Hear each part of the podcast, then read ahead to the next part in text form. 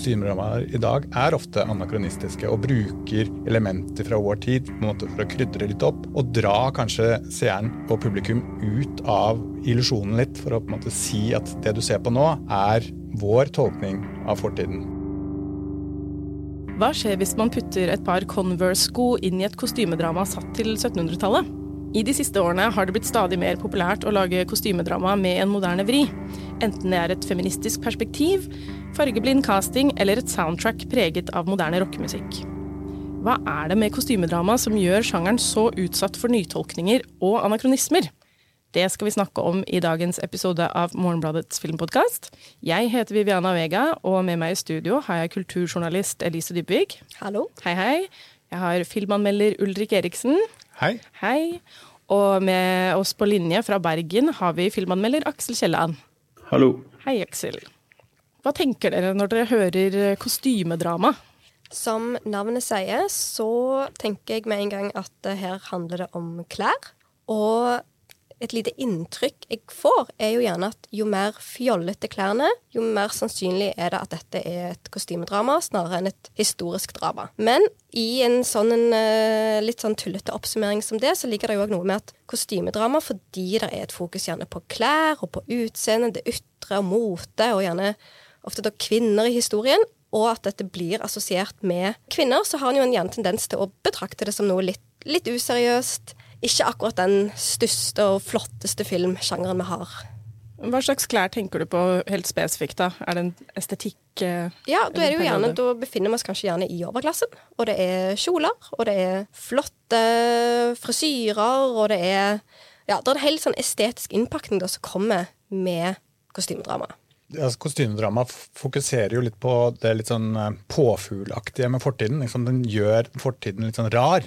Eh, man fremhever det utrerte og det spektakulære. Og det som er veldig fremmed for oss i dag. Så det er en måte å se på fortiden som litt sånn Oi, sånn var de da. Det er noe av det som er spektakulært eller interessant og gøyalt med kostymedrama ofte. Og så er det jo selvfølgelig sånn at Fortiden er jo så rar at den kan ikke være så rar som egentlig fortiden var. så Derfor så ligger det alltid et anakronistisk element i kostymedrama. Hvor han prøver å på en måte glatte litt over fortiden og gjøre den litt mer relevant til vår tid. For de som ikke kjenner til ordet anakronisme, kunne du bare gitt en rask forklaring av hva det betyr? Ja, Anakronisme handler om at man eh, putter vår tid inn i fortiden. At man, eh, eller at man gjør noe som eh, ikke er tidstypisk, til, og, og, later som det er tidstypisk. Altså at man blander tidsnivåer, og gjerne vår tid. For da kostymedramaer er jo gjerne satt til visse tidsepoker. Når dette var et sånn, I litt sånn forarbeidet til den episoden, så begynte en jo å tenke Når foregår et kostymedrama? Da landa jeg først sånn helt automatisk på, litt tilfeldig, mellom 1680 og fram til første verdenskrig, tenkte jeg. Men så tenkte jeg plutselig at er det én type kostymedrama som er veldig populært, så er det jo kostymedrama som er satt til Tudor-perioden i engelsk historie. Henrik den 8. og Elisabeth den 1. Og da er vi jo plutselig 1500-tallet. Og så har du filmer som, og serier som omhandler Shakespeare sin tid, og da er vi sånn 1500-tallet. Men, men, før 1500-tallet, da begynner det å bli middelalder, og da er vi kanskje ikke i kostymedrama? Ja, nei, jeg har en idé om at det er noe førmodernistisk ved det. altså fordi at Kostymedrama er jo ofte kutymedrama. altså Det handler om ritualer og klær da, som skulle være sånn. altså Det å ikke bruke disse kjolene og gå på disse ballene og ta del i disse seremoniene, sånn, det er ikke et alternativ i disse verdenene eh, som skildres. Så det er jo en sånn fascinasjon for, for en uh, tradisjonell verden, uh, hvordan man nå vil definere det. Det krever jo at uh, man skildrer en epoke av verdenshistorien som hadde en overflod av visse ting. Altså en overflod av rikdom, men også en overflod av stoffer og, og, kunnskap til å lage disse kjolene og bygge disse palassene og skape disse innfløkte seremoniene og ritualene og sånn som skildres. Så det, det, er et eller annet Jeg har også tenkt på det som etter middelalderen og, og før liksom, modernismens inntog, hvordan man nå tidfester det. Jeg syns jo umiddelbart at første verdenskrig høres rimelig ut. Kan jeg bare skyte inn der? For noe jeg tenkte på akkurat nå, er at skredderkunsten kom til Europa på 1400-tallet. Så da kan vi jo på en måte si før og etter skredderkunsten, så du er inne på at det gjelder ikke bare å ha Nå går jeg rundt i et veldig flott ullstoff, men det er òg å vite hvordan du gjør det ullstoffet flott å gå i. Ja, og silke og, og trykk Eh, tekstiltrykk er jo også fra cirka fra den tiden. Jeg har et veldig primitivt forhold til kostymedrama. Jeg, sånn, jeg, jeg kjenner det igjen når jeg ser det. og hva er det du ser da, tenker du? Nei, Det er typisk de parykkene, sto, eller stort hår og, og, store sånne ballkjoler med sånn, hva heter det, sånn metall som fikk for å få midja smal og hoftene kjempestore. Husker ikke hva det heter engang. Og stort sett så foregår handlingen i et eller annet palass, og gjerne på det europeiske kontinent. Vil det da si at med en gang det handler om kvinner og kjoler, så er det kostymedrama, og med en gang du får en mann, si fra 1750, så er det ikke kostymedrama lenger?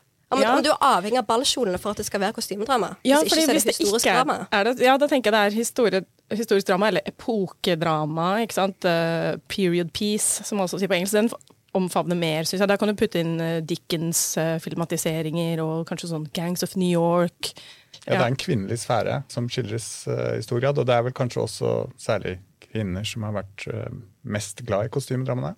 Et annet element her er jo at vi skildrer, eller vi ser verden gjennom en slags sånn uh, isolerende barriere. altså Hvis det er kriger og sånne ting, så, så er det sjelden noe som bryter inn i rommene disse dramaene utspiller seg i. Det er noe som preger samtaler og preger rollefigurer og preger drama, men det er et annet sted. Så du har en sånn barriere av isolerende velstand ofte, da, som uh, skaper en, en distanse til de liksom, store epokegjørende begivenhetene ofte, men også, også bidrar til å holde det på et sånt jeg vet ikke, hva skal vi si, liksom snakkete pratete nivå ofte. For hvis du da har en film satt til Napoleonskrigen, um, har du da med en krigsfilm å gjøre, ikke et kostymedrama?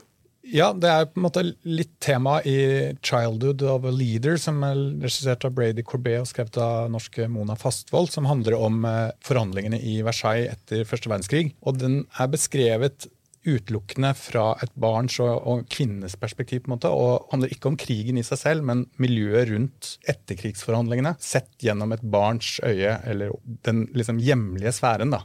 Om det ikke er så veldig fokus på kostymer i seg selv, så er det på en måte det å gjøre verdenshendelser til noe huslig og noe nært litt av poenget. Så, sånn ville det vel kanskje sett ut hvis det også var om napoleonskrigen. Ja, sant. Og så tror jeg at det er veldig spennende å være litt sånn kritisk til den impulsen en gjerne har til å avfeie kostymedrama som en litt sånn useriøs sjanger. For den forteller ekstremt mye om nåtidens forhold til fortiden, og særlig liksom begges forhold til kjønn og etnisitet og klasse og alle disse tingene her. Men bare for å ta den biten om skjønn akkurat først. For sånn som jeg tenkte når vi snakket om skrekkfilm, og om telefonen har gjort det litt vanskelig for, for skrekksjangeren i dag, da. Litt samme måte så tror jeg at det er en sånn glede der i å se ofte sånn den type sånn romantikk og den type situasjoner som i dagens liksom romcom-sjanger er litt vanskelig å løse på en spennende måte. Men bruk liksom grep fra Jane Austen eller andre av disse 1800, sent 1700-tallsforfatterne, så får du et ganske sånn rikt landskap til å igjen som Aksel inne på, gå inn i det mer dialogdrevne, og gjerne den der igjen gleden i det visuelle spetakkelet, som ikke er noe å skimse av kun igjen fordi det er snakk om noe som kanskje da særlig kvinner historisk og nå er mer eller mest opptatt av. Når dere snakker om det dialogdrevne, er det også litt eh, at det er en sjanger som kan tillate seg å være litt sånn subtil i Fordi ingen sier direkte hva de vil. altså Det er veldig mye så, det er omstendelig dialog, da. Og, og, det er veldig mye, som eh, Aksel også snakka om, ritualer. Det er ikke som en eh, moderne romantisk film, hvor du, liksom, du går og ber om telefonnummeret til noen, eller Det er jo ofte, og sånn har det gjerne vært, at utgangspunktet for et kostymedrama er gjerne litterære kilder. Sånn at bare i det så er det noe litt sånn litterært med kostymedrama. Og der er jo mitt inntrykk at i det siste så har det tippa over fra det litterære og gått mer i retning av den visuelle gleden du kan få fra å gi deg i kast med et kostymedrama. Og så er det jo en sånn velferdspornografisk dimensjon ved det. da, altså En sånn ren fantasi om penger og overdådighet og palasser og kjoler og, og høyt hår og alt dette. Det er jo et veldig sentralt element i populariteten til disse tingene, som man ikke kommer unna. Vi har jo sett filmen 'Corsage' nå, som er regissert av Marie Kreutzer, som går på kino i disse dager. Vil dere si at det er et eh, klassisk kostymedrama? Det er ikke et klassisk kostymedrama på den måten at den eh, i stor grad bruker anakronismer eh, for å på en måte nesten tydeliggjøre at det er en kostymedrama. Altså, den har en sånn selvbevissthet som peker på liksom, Se, nå har vi laget en historisk film. Dette er ikke på ekte. Men det har jo på mange måter blitt litt, som du var inne på i introduksjonen av dette programmet, er jo at det er jo i ferd med å bli nærmest en klassisk eh, øvelse. Altså at man, Kostymedramaer i dag er ofte anakronistiske og bruker elementer fra vår tid på en måte for å krydre litt opp. Og dra kanskje seeren og publikum ut av illusjonen litt, for å på en måte si at det du ser på nå, er vår tolkning av fortiden. Og det er kanskje vel så mye vår tolkning som et påstand om hvordan det virkelig var i fortiden. Ja, og Corsage er jo basert på virkelige, eller en historisk person som fantes på ordentlig. Eh, denne handler om eh, Elisabeth av Bayern, som var keiserinne av Østerrike og dronning av Ungarn i Østerrike-Ungarn i andre halvdel av 1800-tallet. Men den tar utgangspunkt i et fiktivt år i hennes liv. Så det er der anakronismene kommer inn, da. Ja, og så kommer det jo kanskje tydeligst uttrykk ved at den er spilt inn i disse palassene sånn så, og, og kulissene sånn som de ser ut i dag kostymene og sånn er jo så vidt jeg kunne se relativt altså Det er ganske tro mot uh, æraen, og det er jo for så vidt liksom fiksjonen og replikken og sånn, men innimellom så ser du at disse, du, du ser uh, moderne detaljer da, i disse palassene som uh, de ikke har gjort noe forsøk på å skjule. sånn at da får du en, en, en sånn påminnelse som liksom at dette er jo ting vi som fortsatt eksisterer, som fortsatt er med oss i dag. Og, og de knytter jo en eller annen sånn bånd bakover i tid da, som tar det litt tettere på publikum. Som punkterer en sånn illusjon om en sånn epoketrohet. Jeg leste et intervju med regissøren som sa at hun i hver omtrent scene jobbet veldig hardt for å strippe ned det historisk korrekte i scenen når det gjaldt kostyme, kostymedesigneren, og hun krangla hele tiden. Kostymedesigneren kom med en kjole og sa sånn så denne kjolen ut i året vi befinner oss nå. Og så sa regissøren nei, det er altfor mange sløyfer, det er altfor mange blonder, ta det vekk. liksom, Hold det så enkelt som mulig. Og det samme som gjaldt liksom, disse palassene. at Stripp det ned. Jeg vet at det var overfullt her inne, men vi beholder, sånn som så dere er inne på, sånn som dette rommet og denne bygningen ser ut i dag. Men vi vil gi en følelse av at her er det noe som er på hell. Akkurat som om de har solgt unna de aller beste møblene og de aller beste gjenstandene. Så det du da får, er liksom en visuell behandling, da, sett fra nåtiden, og ikke den 'sånn var det akkurat da', vær så god. Det er nok litt som et sånn museum, da, for du har de der flotte rommene, men så har du disse betonggangene mellom rommene som ser ut som de har måttet blitt restaurert de siste årene. Ja, og uten at jeg er noen spesialist på Elisabeth, eh, så kan det også ses på som en, en, en slags kommentar til hennes eh, estetikk òg, fordi at hun er kjent for å ha gjort kvinnekostymene enklere. Altså Hun fjernet de aller største påfuglaktige elementene og dro det litt ned. Og så gjorde hun seg selv tynn. Både ved hjelp av denne korsetten som eh, ligger i tittelen, men også gjennom en utstrakt eh, fasting, eller det som vi i dag kaller anoreksi. Ja. Hun er jo en interessant karakter å se på med moderne blikk, for hun var jo på en måte en av Europas første liksom, skjønnhetsinfluensere. da, ikke sant?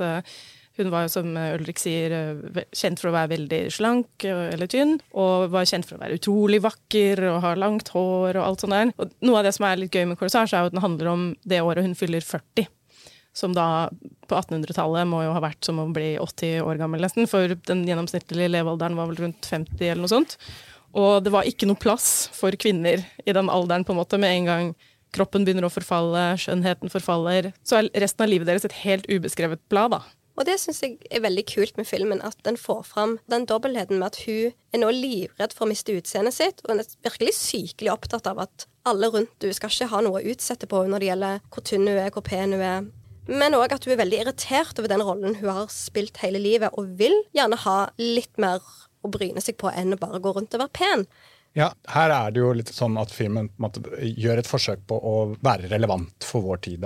Den er en slags kommentar til vårt fokus på cellepresentasjon, og hvordan vi hele tiden har et blikk utenfra. Det er veldig mange kommentarer i filmen fra Elisabeth selv om at alt hun gjør, må på en måte få en eh, anerkjennelse utenfra fra et annet blikk hele tiden. Så også når hun har sex, så må det på en måte foregå gjennom mannens blikk for at hun skal på en måte få noe glede av det. Eh, eller det er det som gir henne glede. I, den grad det er snakk om en glede. glede. Det er ikke akkurat veldig erotisk, uh, dette her. Men, men, poenget er uansett at her er det en parallell til vår tid. At uh, vår Instagram og alt dette her, fokuset på å presentere seg selv på nett, ligger jo under her som på en måte en mulig måte å se filmen. Og Der igjen så er det interessant, fordi filosofen Girard han har skrevet om denne dronningen, eller keiserinnen, fordi hun gjennom denne slankingen hennes så skapte hun, ifølge Girard, et sånt mimetisk begjær hos den europeiske eliten på 1800-tallet. Altså Han mener at det liksom har vært en sånn konkurranse hele tiden som har gått fra overklassen eller fra de kongelige nedover i adelskapet og ned i borgerskapet, og som i dag er vår tids slankehysteri. Og våre idealer om hva som er pent knyttet til kropp, kan vi skylde på Elisabeth, mener han. Så du kan nesten uh, si at hun oppfant selvopptattheten, rett og slett. ja, eller i hvert fall, eller hvert fall anoreksien, da. Ja, det slår meg som et moderne fenomen å hele tiden måtte bli sett av omgivelsene for å, å, på en måte føle at man eksisterer. Jeg innbiller meg i hvert fall at på denne tida så gikk de fleste rundt og bare tenkte på hva Gud tenkte om dem, og ikke, ikke så mye annet. Men det er jo en, en, del av sjangerens appell det er jo det at det er, eh, den skildrer luksusproblemer. Og luksusproblemer er jo gjerne noe som i hvert fall gitt at velstanden øker, så vil jo det bli relevant for flere på sikt. Men som du nevnte innledningsvis, Viviana, dette med at en stadig oftere får serier og filmer som tar utgangspunkt i fortiden og hvordan folk kledde seg før, og så bare bryr seg ingenting om hva som er historisk korrekt, da, og gir det en slags da, moderne vri. Er det en ny ting? Ja, altså det er mange som mener at det var eh, Sofia Coppola sin eh, Marie Antoinette fra 2006 som var den første ute. da. Det var der de var Converse-sko inne i palasset.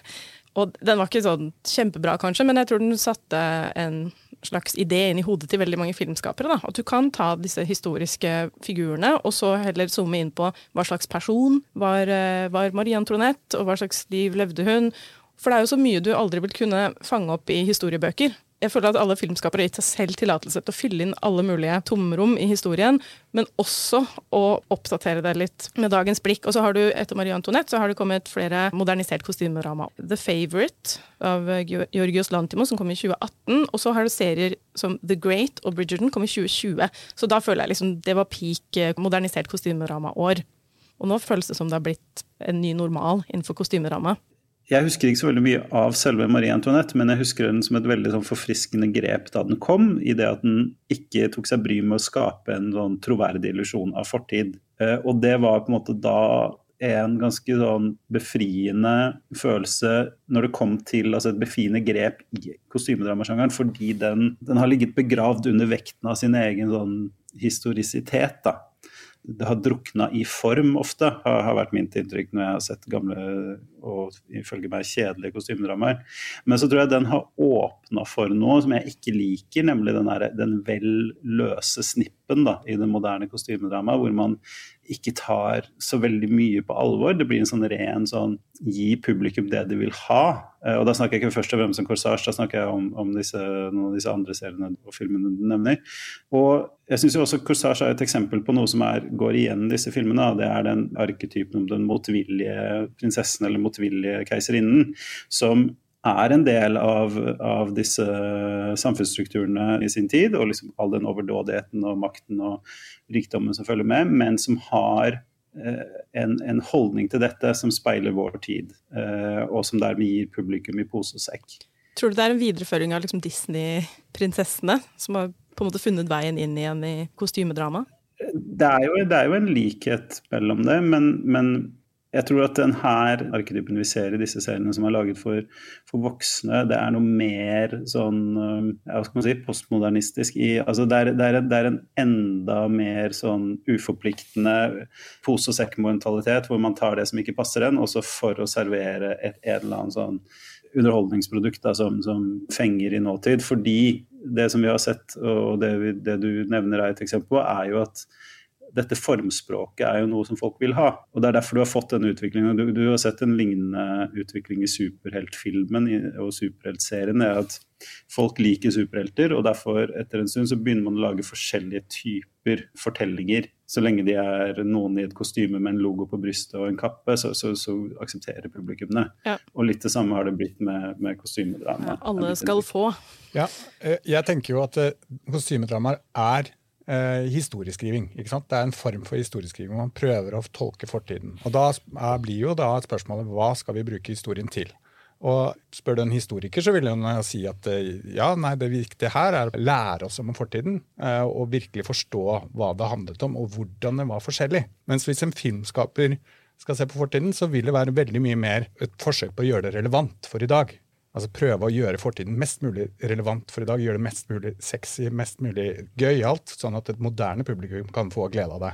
Og da er, da er man, Du nevnte Disney, og da tenker jeg liksom på samme måte som Disney bare brukte Brødrene Grim akkurat sånn som det passet dem, så kan du si at dagens kostymedramafilmskapere bare bruker fortiden akkurat sånn som det passet dem. Jeg tenker også Regissøren Bass Lerman han har jo gjort karriere på å få fjortiser interessert i liksom Shakespeare eller Great Gatsby han er veldig glad i også egentlig epokedramaer som han moderniserer. Så den døra tenker jeg egentlig har vært åpen lenge, men det er vel litt nyere fenomen at det er så populært med nettopp kostymedrama. da. Og jeg kan jo se for meg at fra et filmskaperperspektiv så må det jo være kjempegøy å gå inn i å ha en sånn ramme av historie for å da kunne gjøre akkurat det du vil, på en annen måte enn hvis du hadde satt historien til her og nå i dag. Og på en måte, jeg vet at jeg har hørt fra folk som liksom lager kostymedrama i, eh, i, Storbritannia. Og igjen denne sånn illusjonen mange gjerne har om at hvis det er satt til 1850, så skal alt være 1850 det vil alltid være en fortolkning, uansett hva du gjør. Fordi de får en haug med brev og e-post om at ja, men den type knappehull den kommer ikke faktisk før to år seinere. Så det er helt feil å ha sånne knappehull på akkurat den uniformen. Alt her er et lag av fortolkning. Men, og til noe som Ulrik nettopp sa, det er en um, veldig kjent åpningsreplikk på en roman som heter The Go-Between, som går noe sånn som The past is a different country. They do things differently there. Og jeg tror det er noe med liksom hvordan kostymedrama er nå. At det ikke sånn Ikke spør hva vi kan gjøre for fortiden, men spør hva fortiden kan gjøre for oss. Det var det jeg tenkte på også da du snakket om uh, hva historien kan brukes til. og altså Skal det være relevant for i dag, eller skal du lære om hvordan det var? Kan ikke anakronismer fungere på begge måter? For du har jo f.eks. ved å putte en melaninrik karakter inn i Bridgerton, da, som er da vel europeisk kongelig ja, historieomskriving. Når du, når du gjør det, så sier du på en måte at du, Eller du tydeliggjør at sånn var det jo egentlig ikke du kan bli sånn, og så kan det på en måte skape misforståelser ja. om at det kanskje var sånn. Eh, ikke sant? Altså Man begynner å lage seg bilder av ting. og så Corsage eh, lager jo også en del forvirring. Altså, blant annet så presenterer de filmkamera 20 år før eh, det var funnet opp, og presenterer det som måte, historisk faktuelt. Som gjør at hvis du ikke vet at filmkamera ikke ble funnet opp før i 1895, så vil du jo tro at det ble funnet opp i 1875, hvis du ser denne filmen. Men så er det også noe av disse anakronismene som jeg tror jeg også er et poeng. Vi snakket om eh, Munch-filmen og hvordan de brukte Berlin i dag som en setting for en måte, det som var Munch eh, på 1890-tallet. Eh, min teori om det, og ikke min eneste, er jo at det er av rent økonomiske grunner. At det er veldig dyrt å lage fortid. Og litt det samme ser du i Cossage. Det Aksel nevner om måten de har brukt eh, bygg på, er jo en rimeligere måte å gjøre det på også. Hvis du, du slipper å måte, bygge om et slott til den tidens standarder, du kan måte, la malingsplassingen være der. Det er også en økonomisk faktor. Som også leder meg til ikke et kostymedrama, men en historisk drama som kommer på TV til høsten, som har fått mye oppmerksomhet allerede. 'Makta', om Arbeiderpartiet på Gro Harlem Brundtlands vei til makten, som har valgt da å bruke Oslo i dag som setting for en historisk drama. Og det kan du si er også en anakronistisk greie, men det er også en økonomisk ting. For da slipper du å tenke på hver gang du har et eksteriørshot, så må du rydde liksom alt for ja. gamle biler og nye biler. Er det en kaffekopp, er det en ja. Eh, smarttelefon? Det er, må jo være et mareritt å lage kostymer eller historiske dramaer. For å følge opp det eh, sitatet Lise kom med. Disse kostymedramaene vi snakker om her, de er jo et produkt av sånn, den globaliserte turismens tid, av globalismens tid. For at fortiden er et annet land, men så reiser vi dit, og så har de McDonald's der også. Det er en mangel på nysgjerrighet i mange av de dramaene, og jeg, jeg får ikke så veldig mye ut av det. Liksom, når grepet først er gjort, så er det bare mer underholdning, på en måte er mitt ja. inntrykk. Jeg må jo si, Nå har jeg kanskje bare sett de tre første minuttene av Bridgerton, eller kanskje ti minutter. Men for meg så opplevde jeg det som en sånn uh, amerikanske tenåringer som driver med cosplay av liksom europeisk monarki, eller noe sånt. At de er sånn Og sånn var det sikkert, ho-ho! la oss ha European Royalty Prom Night Theme, liksom. Jeg syns det blir litt for sånn fjolte. Men jeg tenker jo at det kan jo være litt at i og med at kostymedramaene skildrer en så dekadent tid, at den dekadansen smitter over på filmskaperne. At det er litt sånn ja ja, da gjorde man hva man ville hvis man var rik, og vi kan gjøre hva vi vil også med filmen. Og når det gjelder Bridgerton, så har jeg skjønt at andre sesong skal visst være veldig bra. Eller i hvert fall gi mer enn første sesong. Men jeg, jeg tror det er noe med liksom at den, den liksom gleden i en sjanger En hevder jo ikke at dette er stor kunst heller, på en måte. Men alltid hva, hva, hva en får ut av det av glimt inn i reskriving Jeg tror ingen vil se Bridgerton og tenke sånn Oi, sånn var det da. Um, og det er litt samme når det alltid irriterer meg kjempemasse når det kommer sånne debatter om særlig da fargeblind casting, som du nevnte i starten. At sånn Å, nei, men å, så er det en prins, og så er han svart, og så liksom Å, nei. Å, å. Og det er alltid en sånn For jeg tror det er to ting. Første er at mange historikere påpeker at fortiden, særlig den britiske fortiden, var jo langt mer mangfoldige enn en tror i dag. Veldig mm. Og så er det sånn at særlig da i disse sjangrene der du tar deg så mange friheter, så skal det som får begeret til å renne over, at ikke alle er hvite. Ja. Så er bare en sånn uh, supertullete greie som jeg ser når, At det er noe som allikevel en aldri klarer å gi slipp på. Og Kenneth Branagh, britisk um, skuespiller og regissør, han um, holdt på med fargeblindcasting på 90-tallet i Shakespeare-adaptasjoner, sånn som så Storstad ståhei for ingenting. Og så tror jeg det er en sånn blanding her, at så lenge du òg klarer å ha de filmene som tar seg tid med å vise klasse, makt, imperiet, så kan du fint ha disse overdådige bløtkakene i tillegg. Null problem, liksom. Mm. Ja, jeg må jo si, selv om jeg ikke er kjempefan av sjangeren, så støtter jeg at den finnes. For jeg liker litt at man på en måte tilgjengeliggjør en del av historien og føler at alle kunne ha vært en del av det, eller i hvert fall få lov til å fantasere om det. da. Og som du påpeker, fortida var nok kanskje litt mer mangfoldig enn man gjerne tror. Veldig mye av historien som den er skrevet i Europa, har jo blitt skrevet stort sett av hvite menn, da, som hadde en tendens til å ekskludere eh, de som ikke var hvite menn. Vi veit jo ikke eksakt hva som skjedde overalt til enhver tid. Så her er det mange måter å liksom, som du sier, hvem skal få lov til å ha glede av en sjanger, og, og hvordan. Skulle gjerne hatt mer klassebevissthet i disse filmene, men det får jo ikke alltid alt den ønsker seg. Men syns dere det føyer seg litt til den kontrafaktiske historien? Jeg tenker på sånn som eh, Tarantino, da. 'Inglorious Bastards', hvor liksom jødiske soldater får sin hevn over eh, naziene eksempel. Det er jo sånn, et gledesprosjekt, da, hvis du skjønner, hvor du kan endelig du kan korrigere historien da, etter eget ønske. Ja, og det kan du si at Corsage også er. For er, i denne fortellingen her går hun gjennom en frigjøringsprosess. På mange måter det er en, for så vidt en tragisk frigjøringsprosess, men det er en frigjøringsprosess. Og det skjedde jo ikke nødvendigvis i virkeligheten. Uh, I hvert fall ikke på den måten. Så der ligger det jo helt klart en kontrafaktisk historieskriving som måtte frigjøre Elisabeth fra sin egen, eh, sitt eget jernbur. Selv om jeg ikke er noen fan av sjangeren, så er det jo på ingen måte problemet med å skjønne hvorfor folk lar seg fascinere av disse tingene. Men det er jo kanskje litt sånn som Elise sier, at det er et klasseelement som ofte er fullstendig fraværende, og det virker som en del av appellen. altså Det lar deg glemme det. fordi at Særlig hvis du putter en eller annen sånn rik eh, og mektig kvinne i hovedrollen som også er et offer, så liksom på en måte fritar det oss fra å, å studere institusjonen særlig nøye. Jeg har ingen problemer med, med å forstå appellen ved, ved, materien, men jeg bare skulle ønske at det gjordes med et mer kritisk blikk, og kanskje som Ulrik var inne på tidligere, altså en sånn reell forståelse for hvorfor folk i gamle dager ikke var som oss.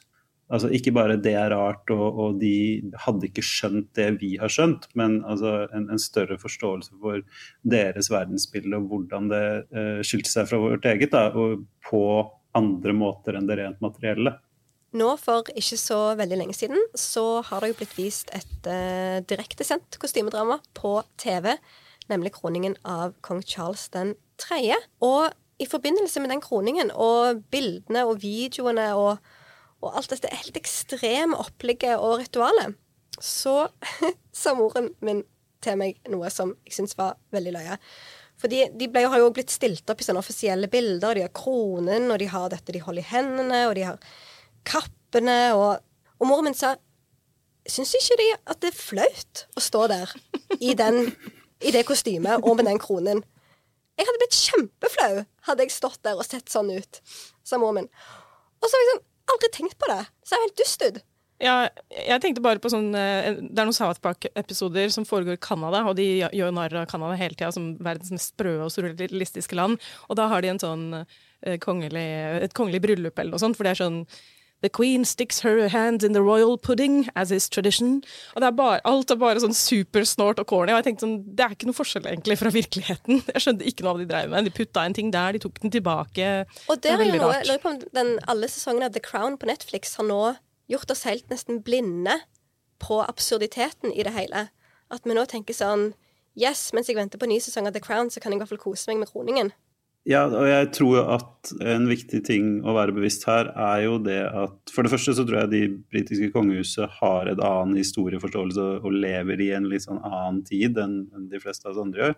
Men for det andre er hvordan det britiske kongehuset og, og aristokratiet liksom aktivt bruker fortellinger om seg selv, og særlig TV-serier om seg selv, til å lede oppmerksomhet bort fra det prinsipielle spørsmålet om hvorvidt de bør eksistere eller ikke. Liksom, altså hele The Crown er jo en sånn, sånn svær avledningsmanøver fra det spørsmålet, ved at den uh, åpner opp disse fortellingene og institusjonene og lar publikum velge side Sånn at, sånn at, spørsmålet ikke blir er du for eller mot monarkiet, sånn som det var det var et mye, mer, et mye lenger frem i britisk debatt liksom, for noen tiår tilbake. Mens i dag så blir det, hvis man ser på The Crown, er du for eller mot uh, Charles, er du, heier du på Diana eller Elizabeth? Og jeg syns det er en veldig interessant strategi, det det britiske kongehuset uh, gjør uh, når de gjør dette, som hadde vært interessant å få se en sånn virkelig kritisk og analyse av i film- eller serieform.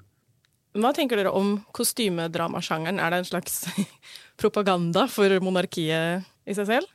Ja, jeg tror nok at du, du trenes nok opp som seer til å identifisere med overklassen, og det er et kjempeproblem.